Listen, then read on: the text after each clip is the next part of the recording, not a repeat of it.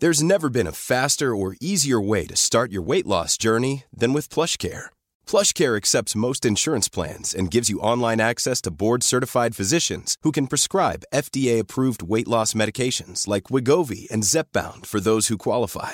Take charge of your health and speak with a board-certified physician about a weight loss plan that's right for you. Get started today at plushcare.com slash weight loss. That's plushcare.com slash weight loss. plushcare.com slash weight loss. Even when we're on a budget, we still deserve nice things. Quince is a place to scoop up stunning high-end goods for 50 to 80% less than similar brands. They have buttery soft cashmere sweaters starting at $50, luxurious Italian leather bags, and so much more. Plus, Quince only works with factories that use safe, ethical, and responsible manufacturing. Get the high-end goods you'll love without the high price tag with Quince. Go to quince.com slash style for free shipping and 365-day returns. Since 2013, Bombas has donated over 100 million socks, underwear, and T-shirts to those facing homelessness.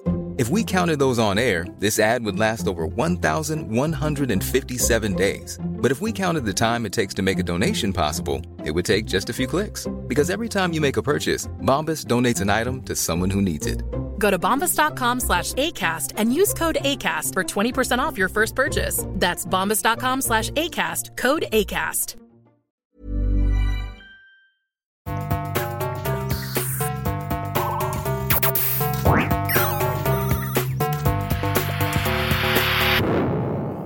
Velkommen til Sinnsyn. Jeg heter Sondre Risom Livre, er psykolog, og dette er Webpsykologens podkast.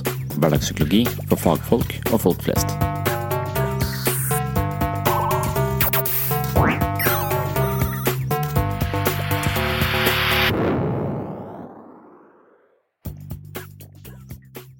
De som kaller seg kynikere, er ofte stolte av sin evne til å tenke kritisk og være skeptiske til andres motiver, og de anser denne evnen som tegn på en uovertruffen intelligens.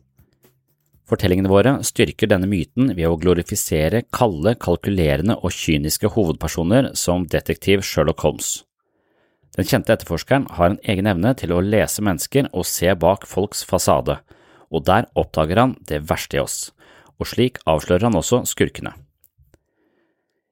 En undersøkelse fra 2018 hevder imidlertid at det kyniske geniet er en myte. I en omfattende tverrkulturell analyse publisert i Personal and Social Psychology Bulletin 11. juli, altså da i 2018, konkluderer sosialpsykolog Olga Stavrova fra Tilburg University i Nederland og evolusjonspsykolog Daniel Ellebracht fra Universitetet i Köln i Tyskland at de mest kompetente menneskene ikke er så kyniske tross alt. Studiens forfattere påpeker at det er en grunn til at folk synes det er smart å være kynisk.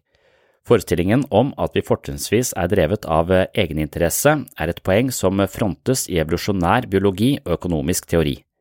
Vi blir ofte lært at den sterkestes rett krever at folk dypest sett prioriterer sine individuelle interesser.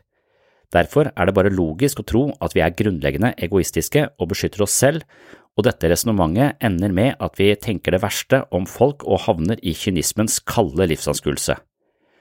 Kanskje bedømmer kynikerne enkelte mennesker feil, men i så fall er det bedre å være føre var enn etter snar.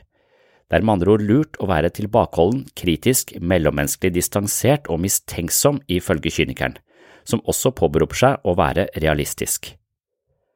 Forfatterne bak studien om kynisme hevder imidlertid at denne holdningen likevel ikke er så nyttig hvis det er vår standardposisjon eller vår modus operandi i møte med livet, og disse forfatterne eller disse forskerne bemerker at en rekke studier viser sammenhengen mellom tillit og god helse. Det er også en relasjon mellom tillit og gode relasjoner som igjen er direkte linka opp til et psykisk og fysisk sunt liv. Også innenfor økonomi har man funnet ut at det verst tenkelig tankegang har en tendens til å føre til dårligere resultater når det gjelder inntjening og velvære.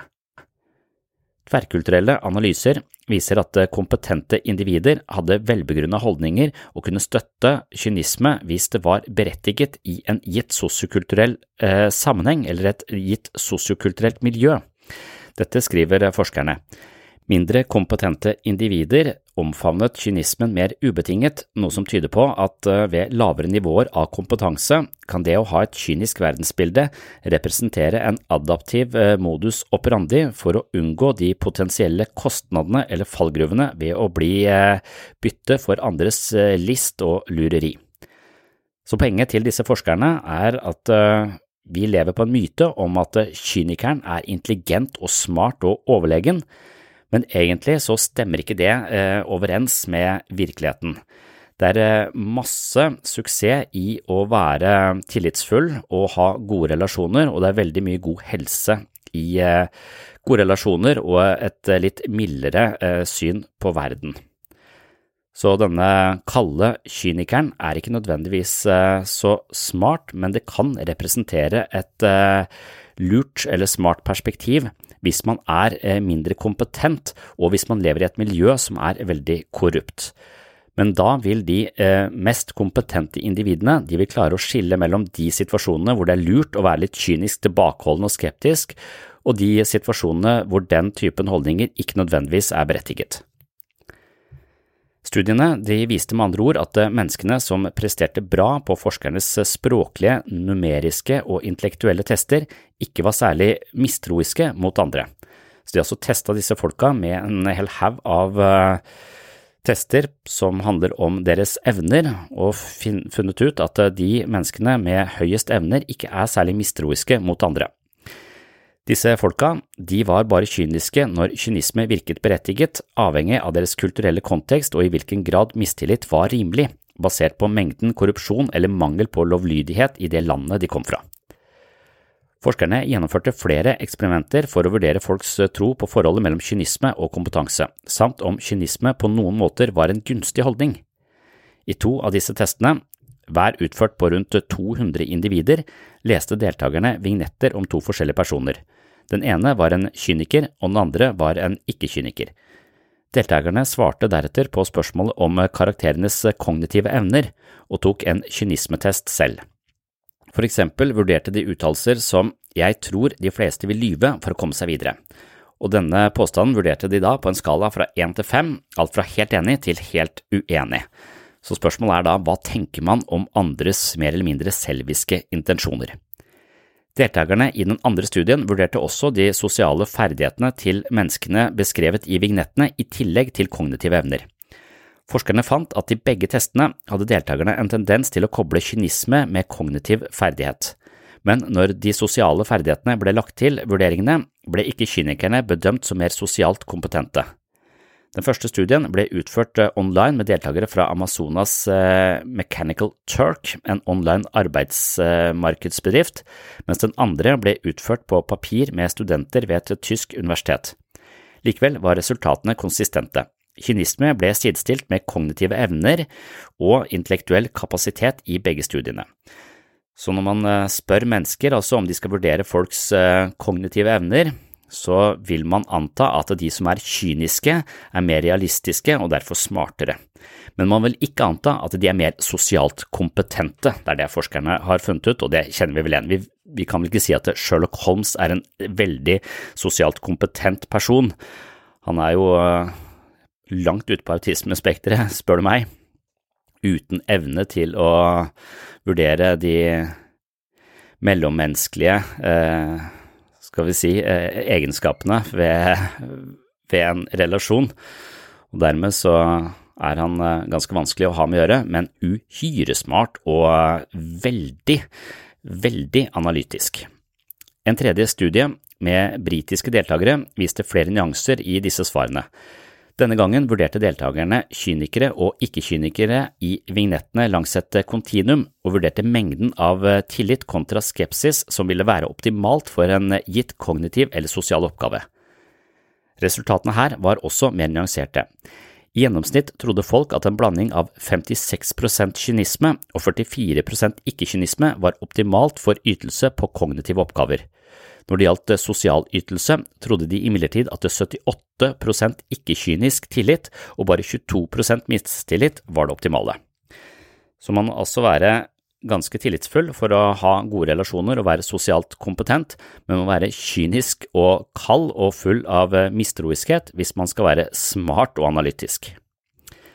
Basert på disse studiene konkluderer forskerne med at eh, vår tendens til å tro på ideen om det kyniske geniet er ganske sterk, men redusert avhengig av hvilke oppgaver en person skal utføre.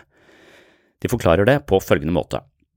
Samlet sett forventet eh, et klart flertall av deltakerne at kyniske individer ville prestere bedre på en rekke kognitive oppgaver og generelt sett ha bedre kognitive evner enn ikke-kyniske individer. Samtidig skilte deltakerne tydelig mellom kognitive og sosiale kompetanser og vurderte at kynikere var smartere, mens tillitsfulle mennesker var mer sosialt kompetente. Når deltakerne i studien ble bedt om å sette et optimalt nivå for graden av kynisme med hensyn til å løse kognitive oppgaver, mente de at et forhøyet, men ikke veldig høyt nivå av kynisme var det mest optimale, og dermed bedre enn et moderat nivå av kynisme. Tre andre tester ble arrangert for å finne ut om mistillit til menneskeheten faktisk korrelerer med kompetanse og intelligens i forskjellige aldersgrupper og kulturer. To studier har sett på kynisme hos tyske voksne, deretter ungdommer, og den tredje undersøkte data fra hele verden. For det første brukte forskerne et stort nasjonalt representativt eh, utvalg av tyske voksne og vurderte deltakernes nivå av kynisme ved å bruke svar på en etablert psykologisk test som måler troen på mennesker med spørsmål som tror du at folk flest vil prøve å dra nytte av deg hvis eh, de fikk sjansen, eller ville de prøve å være rettferdige? Deretter utforsket de sammenhengen mellom kynisme og forskjellige målinger av kompetanse inkludert eh, utdanning, generelle kognitive evner og akademisk kompetanse. Resultatene viste at eh, folk som skåret høyere på kompetansetestene, også pleide å være mindre kyniske. De hadde tro på mennesker, og likevel presterte de veldig bra. Selv synes ikke jeg at dette er eh, spesielt oppsiktsvekkende, men det er interessant med studier som til en viss grad dementerer myter som vi egentlig ikke trenger. Det er ikke slik at kalde og kalkulerende mennesker er smartere enn andre, men kanskje de er reddere. En femte test forsøkte å finne ut om folk som var mer kyniske som tenåringer, også var mer vellykka som unge voksne. De brukte data fra et tysk sosioøkonomisk langtidsstudie av den tyske befolkningen utført årlig siden 1984, som inkluderte en komponent rettet mot 16 til 18-åringer.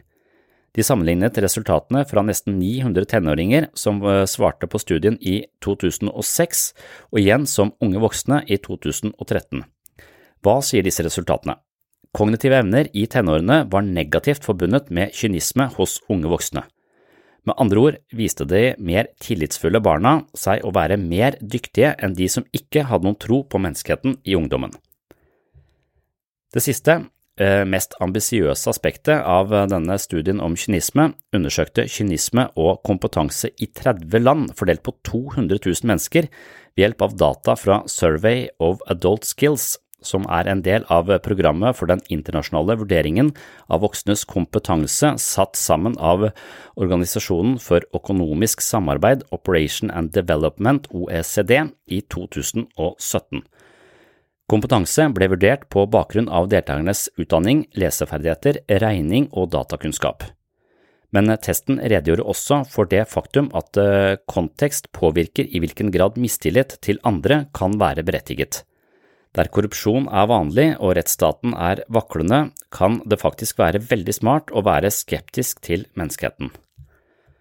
Forskerne forventet at svært kompetente individer i større grad ville holde en slags kynisk distanse hvis de lever i et korrupt sosiokulturelt klima, mens mindre kompetente mennesker ville være mer gjennomført kyniske uansett om denne holdningen var berettiget eller ei.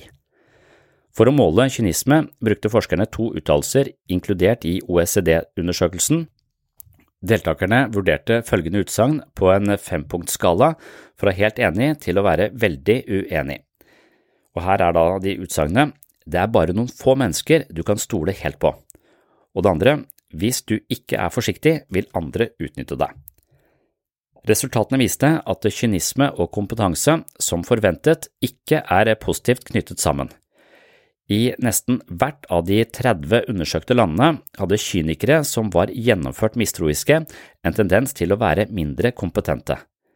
Men globalt tilpasset personer med høy kompetanse sitt nivå av kynisme avhengig av deres sosiokulturelle miljø og graden av korrupsjon i landet. Så da er altså denne studien ganske entydig. Smarte mennesker er ikke mer kyniske enn eh, gjennomsnittet, snarere tvert imot. Smarte mennesker er ofte mer vennligstemte, men hvis de bor i et område med høy grad av korrupsjon og kriminalitet, så vil de tilpasse kynismen sin sånn at de ikke blir blåøyde og naive med hensyn til eh, miljøet rundt seg. Mens eh, mennesker som har eh, svakere kognitive evner og ikke er fullt så smarte, de er da mer tilbøyelige til å anlegge et uh, mer gjennomgripende kynisk perspektiv og ikke differensiere i, eller med hensyn til det miljøet de befinner seg i, og kjøre mer en hardcore kynisme som en slags forsvar mot verden, og slags forsvar for å skjule denne følelsen av tilkortkommenhet. Så hvorfor, når det er sånn da, så hvorfor tror vi da at kynikeren er så smart? Hvis kynisme ikke nødvendigvis er et tegn på kompetanse og intelligens, hvorfor holder myten om det kyniske geniet stand? En del av problemet er at vi ikke nødvendigvis legger merke til alt som går bra. La oss si en fremmed stopper for å gi oss veibeskrivelser og hjelper oss frem dit vi skal. Det er en hyggelig ting, en slags seier for troen på menneskeheten, men vi tar denne typen hjelp for gitt. Men dersom vi spør noen om veien, og de avslår å hjelpe oss med en irritabel kommentar eller med vilje gir oss feil anvisning, det er noe vi husker livet ut. Med andre ord er det lett å legge merke til dårlig oppførsel og andres svik, men eh, hyggelige, velmenende og relasjonsbyggende oppførsel blir ikke notert i samme grad. Det er det som eh, kalles for negativitetsbias. I tillegg kan kynikere skape selvoppfyllende profetier de stoler ikke på noen, og dermed går de kanskje glipp av mange muligheter, noe som videre bekrefter deres verdensbilde. Mistillit utelukker positive resultater fra starten og forsterker negativ tro, mens tillit, eh, en potensiell risiko, også gjør at flere gode resultater kan oppstå, ifølge denne studien. Og selvfølgelig, det å ha tillit til andre, det du risikerer er å bli skuffa, og det er den følelsen av å bli skuffa kynikeren ikke tåler og siden de ikke tåler den følelsen, så tar de heller ingen risiko, holder en kynisk distanse til verden, men det fører også til stillstand og sørger kanskje for at de da ikke uh, får de utfordringene, eller tar de utfordringene som de kunne uh, brukt til å komme seg videre i livet. Så da er det en ganske sånn uh, seig, kald og råtten materie man har kjørt seg selv fast i ved å beholde denne ubetingede, eh, kyniske distansen til livet rundt seg. Det er også bemerkelsesverdig at det er en kobling mellom kynisme og utdannelse. Det kan hende, foreslår sosialpsykologene, at eh, det er slik at folk som nyter privilegiene og fordelene ved utdanning, bor og jobber i trygge omgivelser, der de har mindre grunn til å mistro andre enn noen som sliter i et grovt kriminelt nabolag. Det er jo steder der det er fornuftig å være på vakt mot andre, det er det ingen tvil om.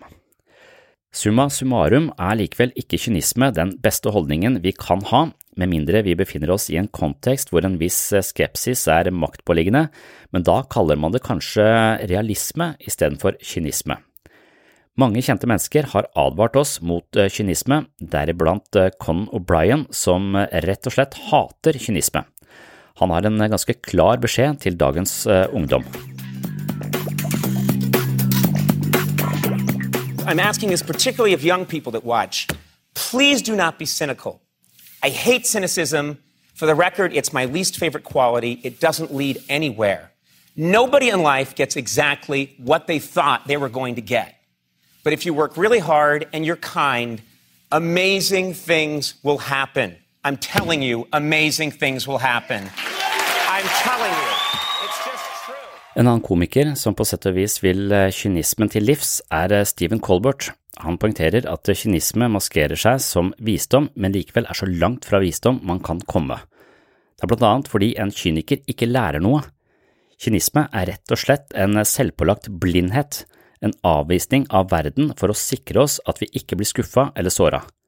En kyniker sier alltid nei, mens det er eh, når vi sier ja at vi vokser som mennesker.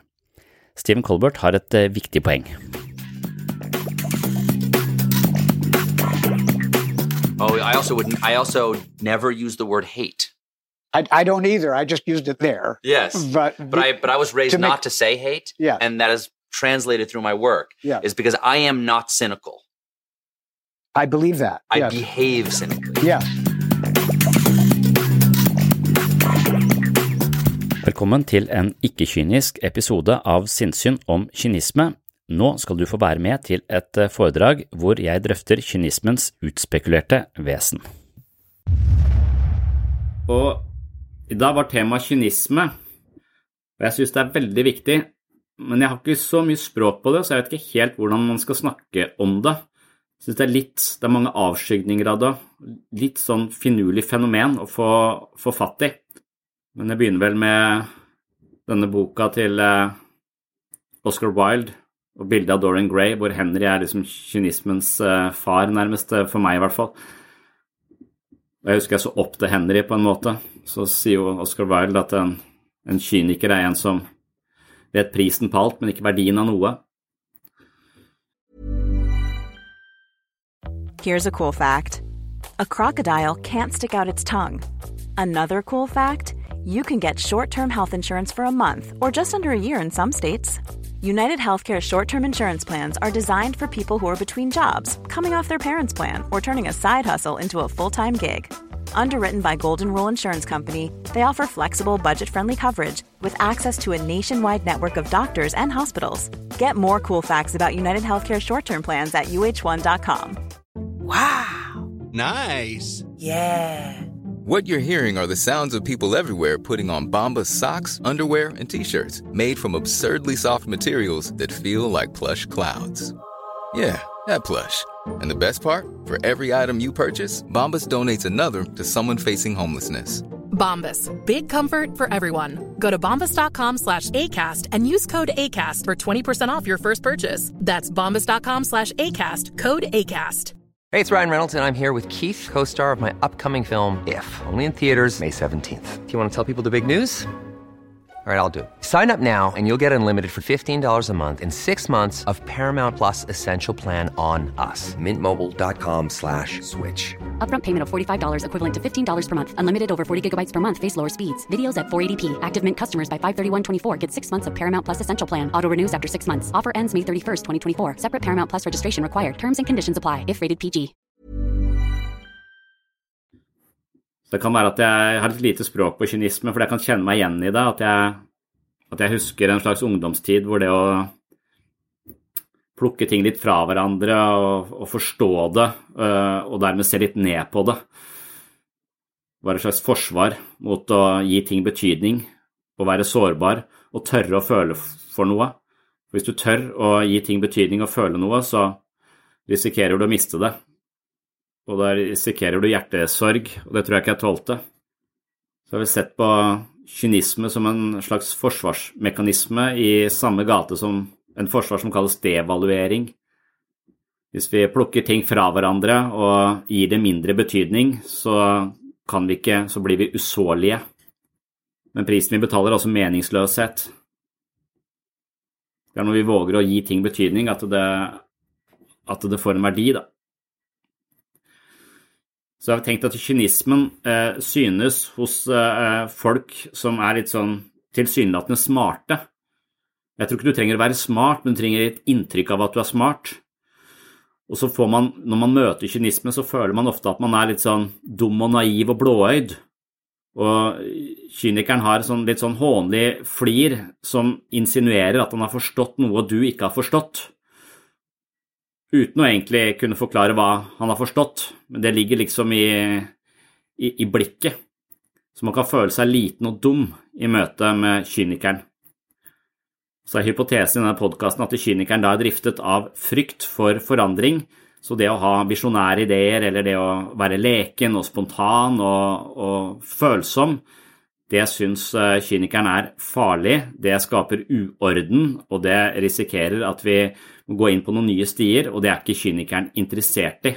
Derfor så sabler han det ned med å rulle litt med øynene øh, og, og, og smile litt sånn hånlig, så alle forstår at det der er bare teit.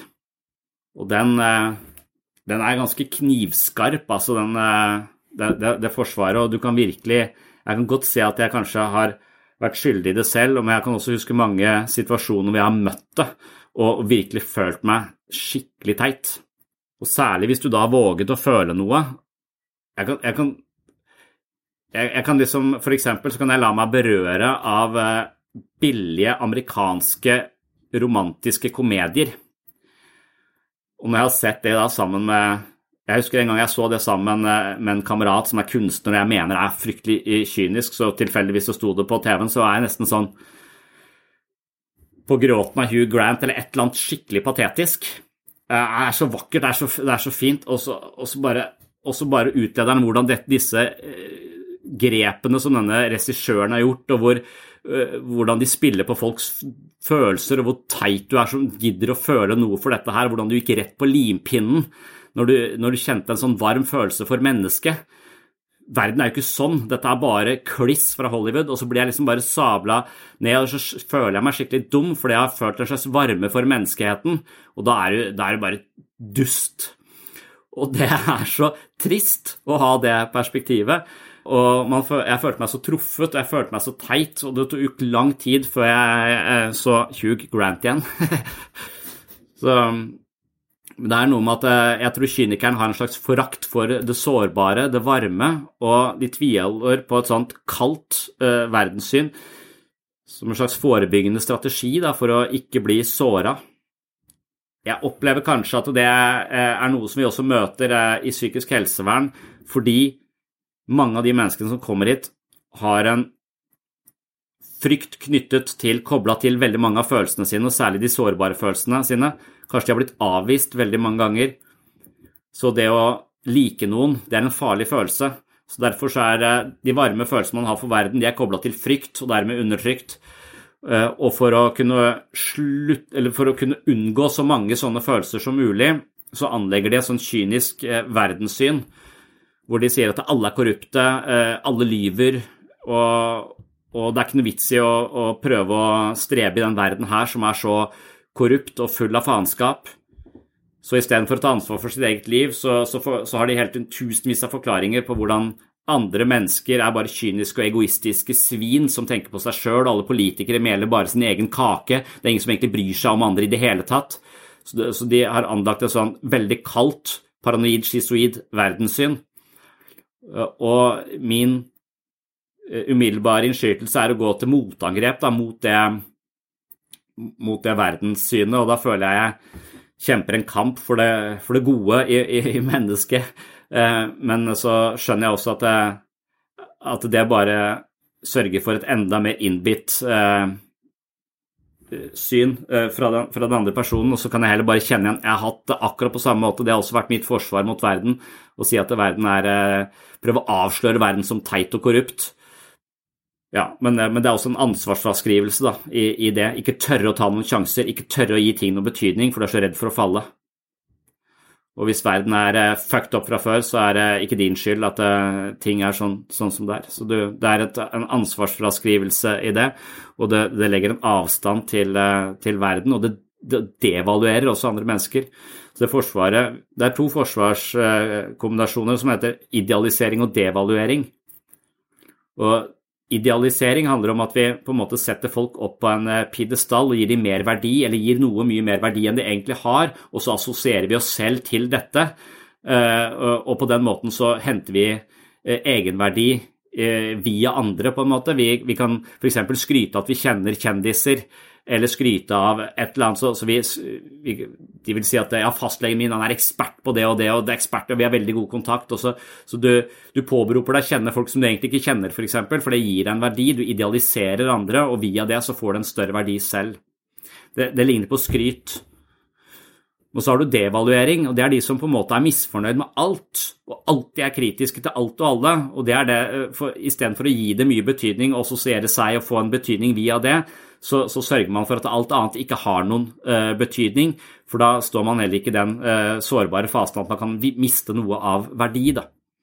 Så devaluering ligner, kynisme og devaluering syns jeg ligner litt. Det er litt sånn i samme gate, en slags strategi. Og jeg tror det er en sånn, også en sånn Når du har hatt Når du har kanskje blitt hva skal man si, såra Kanskje du har stått og gleda deg til at eh, pappa skal ta deg med på tivoli, og så kommer faren din ned full og sier 'vi driter i hele greiene'. Og så Du har opplevd sånne ting hvor du virkelig bare har uh, trengt noen, og du har blitt avskåret så til de grader, så prøver du å gjøre dem til stein og sørge for at du aldri trenger noen, noe fra noen noen andre mennesker og prøver å avskjære deg fra andre følelser. Så det er jo på en måte mennesker som kommer hit og tenker at det beste hadde vært hvis jeg var en robot, og det er mitt prosjekt. Det er å føle minst fuckings mulig, sånn at jeg eh, slipper den smerten jeg har eh, opplevd. En robot vil jo ikke heller ha veldig høy livskvalitet. En robot er jo bare en robot. Så den har jo ikke, så vidt vi vet, da, foreløpig ikke utviklet eh, et avansert emosjonelt repertoar. Sånn at, sånn at det å være totalt følelseskald. Eh, det er en eh, beskyttelse mot å slå seg. Og hvis du ikke tør å slå deg, så tør du heller ikke å leve, og det vil si at du nærmest er død i livet. Så det er en måte å dø på uten å dø på. Det er å ikke føle noe for, eh, for noe som helst. Det er ikke ta noen risikoer. Og kynismen kan være den der muren du da har bygd rundt deg. Og det er, jeg lurer på om det også kan handle om de der Det er en del sånne folk som har sånne Japan-fetisj. Og det syns jeg også virker litt sånn affektfobisk. Jeg veit ikke om det er det, men jeg kan ikke nok om Japan. Men jeg har en slags forestilling om at japanere også har litt sånn kronglete følelsesliv, eller at de undertrykker veldig mange følelser. og så kommer det uttrykk i pornografi fra Japan som er sykt annerledes enn all annen pornografi. Altså at det, det perverteres da, og kommer til uttrykk med noen sånne merkelige tentakler og noen syke greier. Sånn at, eh, men at, eh, at japanere også har en sånn kultur hvor de er liksom, liksom, litt følelsesløst. Jeg har bl.a. hørt at det, det finnes en type prostituerte i Japan som ikke har sex med folk, men som snakker åpent med dem. Så det er hans samtalepartner. Altså det, for du snakker ikke med, med, folk rundt deg om noe som har betydning. Det er helt sånn eh, Hva skal man si sånne transaksjoner mellom mennesker. Det er ikke noe emosjonelt, det er ikke noe, noe følelser, og det er veldig lite men det, det, det, kan godt være jeg misforstår Japan, men, men jeg har også følt at jeg har sett en tendens til de som har sånn Japan-fetisj, at de også har litt affektfobi litt, har litt frykt for følelser. Og det trenger ikke være at de da er kyniske. De kan f.eks. det motsatte å være kynisk kan det være å hele tiden sørge for at alle har det bra, og at ingen sier noe som er ubehagelig for noen. Det er en sånn annen, uh, annen affektfobi. Så, så, kynikeren har bare et annet forsvar mot det sårbare. Mm. Ja. Helt enig. Det, det tror jeg finnes mange varianter av det. og og at dette er på et slags kontinuum, men det vi møter mest, er helt klart sikkert hverdagskynikerne. Og kanskje en person som da ja, nettopp har jobbet i et system som kanskje er litt håpløst. Og, og hvis man møter, og da, da har de et sånn resignert eh, forhold til, eh, til tilværelsen. Og hvis man da kommer inn som f.eks. nyutdanna og ivrig og visjonær og, og engasjert, så, så, så, blir man lett bare fanget av denne pessimismen og, og blir sett på Kanskje føler seg at man er litt blåøyd og, og naiv og dum som tror at det er mulig å få gjort noe i dette systemet. Eh, sånn har det vært i alle år. Det er helt umulig, kan bare prøve, og så, og så lener man seg tilbake og venter på at eh, vedkommende skal gå på trynet. Så at enhver form for entusiasme blir på en måte sabla ned av eh, hverdagskynikeren også. Og så får man et sånn grått syn på tilværelsen. Veldig lite spennende. Veldig lite Tim Burton. Altså veldig lite fantasi, veldig lite lekenhet. Jeg tenker barna, altså barn og Tim, Tim, Burton sine filmer, Big Fish og sånn, jeg syns er fantastisk.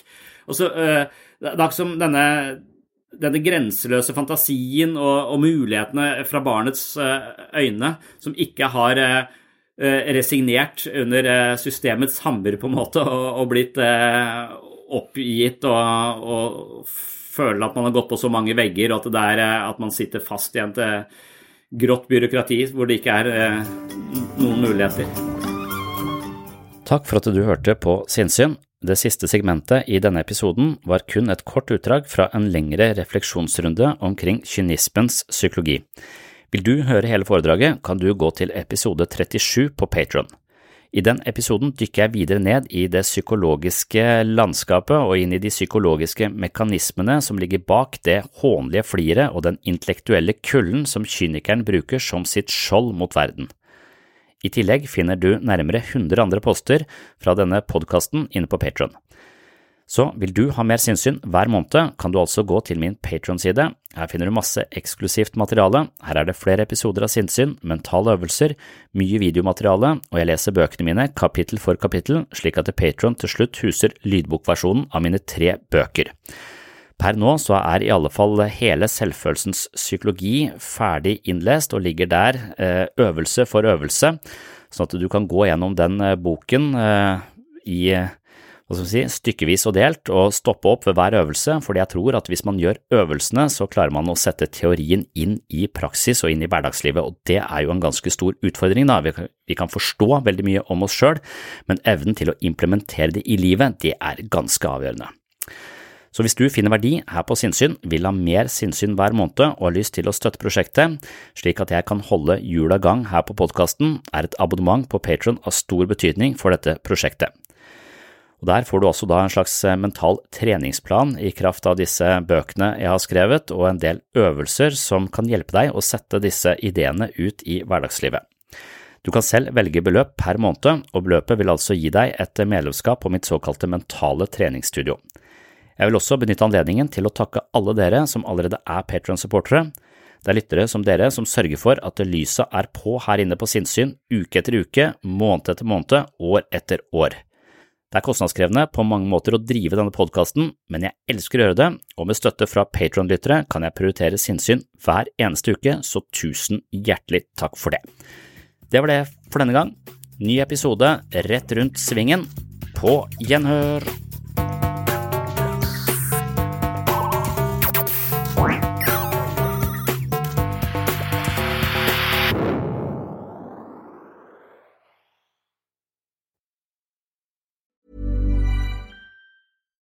Even when we're on a budget, we still deserve nice things.